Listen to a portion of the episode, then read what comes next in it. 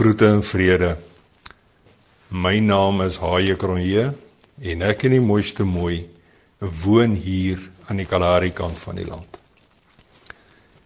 Die 20ste versie van Eksodus 1, dis nou as jy dit in die Nuwe Lewende Vertaling lees sê God het dit goed laat gaan met die karamverpleegsters. Die Israeliete het steeds al meer en al sterker geword. Die tot op die as toe vasval duin. Vasval in die rooi Kalahari sand is voorwaar nie vir sissies nie. Veral nie as dit die genade wa is wat diep op sy agteras in die sand broei nie. En kyk, dit gebeur maklik. Die duin kan dalk net te hoog wees. Die sand te los, die bande te styf en die momentum heel te min en dan voor jy kan sê trots Suid-Afrikaans is dit sulke tyd. Jy gegil seker nou al te lekker, maar as die huis en hulp wyd agter die verste duine lê en jy moet loop, het jy 'n dik dilemma soos daai Malema en dis nou krietjies kortnek se woorde. En so was dit dan ook. Kort voor Kerstyd wou die woord goed mense gaan braai tussen die duine. Die maandagooggend, net so voor die laatoggendkoffie, spring ek in die genade waar om gou-gou die rooster en tafels en stoele te gaan haal wat ons die vorige dag diep tussen die duine gelos het. En daar, ver agter die duine, en daar gebeur die onaangename. Dit terwyl die son genadeloos sy warmste versier op ons instel. Die genade waar val vas, diep vas tot op die agterste as toe vas. En ek is sonder water. Ek is sonder hoed en sonder hulp in 'n verlate wêreld met die huis wat wyd agter die verste sien lê. Ons se lewens, dis nou my en jou lewe, is ook omring met asemrowende duine waarin ons as ons nie versigtig is nie, ook maklik kan vasval. Behoorlik kan vasval. Selfs vasval tot op die as toe. Groot duine waar jy spreek woordelik tot in jou murg mishandel en verneder word.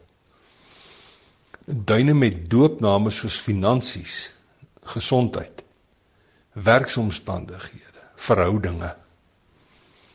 Duine wat ons moedeloos swak maak want die hulpeloosheid, die alleenheid, swaarmoedigheid en verslaandheid blom geel en wit daarop. Selfs die Israeliete in Egipte kan hiervan getuig. Met Josef ver in hulle gisterdae en selfs vergete, was die lewe van 'n Israeliet in Egipte nie veel werd nie.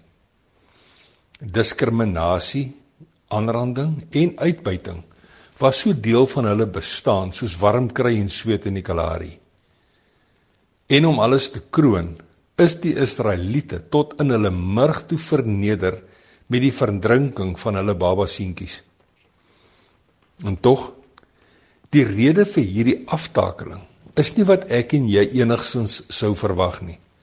Nie sonde, onaanvaarbare gedragspatrone of selfs die werkinge van die bose ene nie.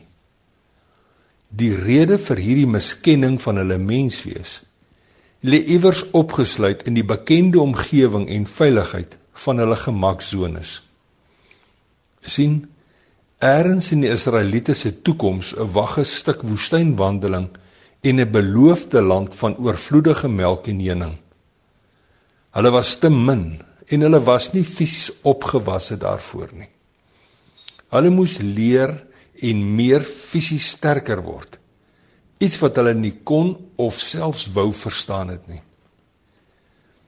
Elke duin het 'n kruin en hoe groter die duin, hoe asemrowender is die uitsig vanaf die kruin. Maar hierdie uitsig en gewaarwording is nie wat hy ons bied nie. Nee, wat hy ons bied, ons beloofde land, kan nie in woorde omskryf word nie. Dis meer as dit. En tog fokus ons, net soos die Israeliete, tog te maklik om die kruin te bereik om bo op die tot op die as toe vasval duin te kan staan en uit te kan skree ek het oorwin. Ons vergeet gerieflikheidshalwe dat die duine wêreld waarin ons ons bevind 'n smeltkroes van verandering is. Die plek waar ons geskaaf en hervorm word omdat daar eers in die toekoms 'n stuk beloofde land lê. 'n Plek waarvoor ons nie gereed is nie. 'n Plek wat hy ons bied. En hoe eindig my maandagooggend dik dilemma vasval in die rooi Kalahari sand episode? Jy sal so 'n bietjie moet wag. Ek sal jou 'n ander dag vertel. Nou ja, tot 'n volgende keer. Mooi loop en sandkorrelbaai seëninge.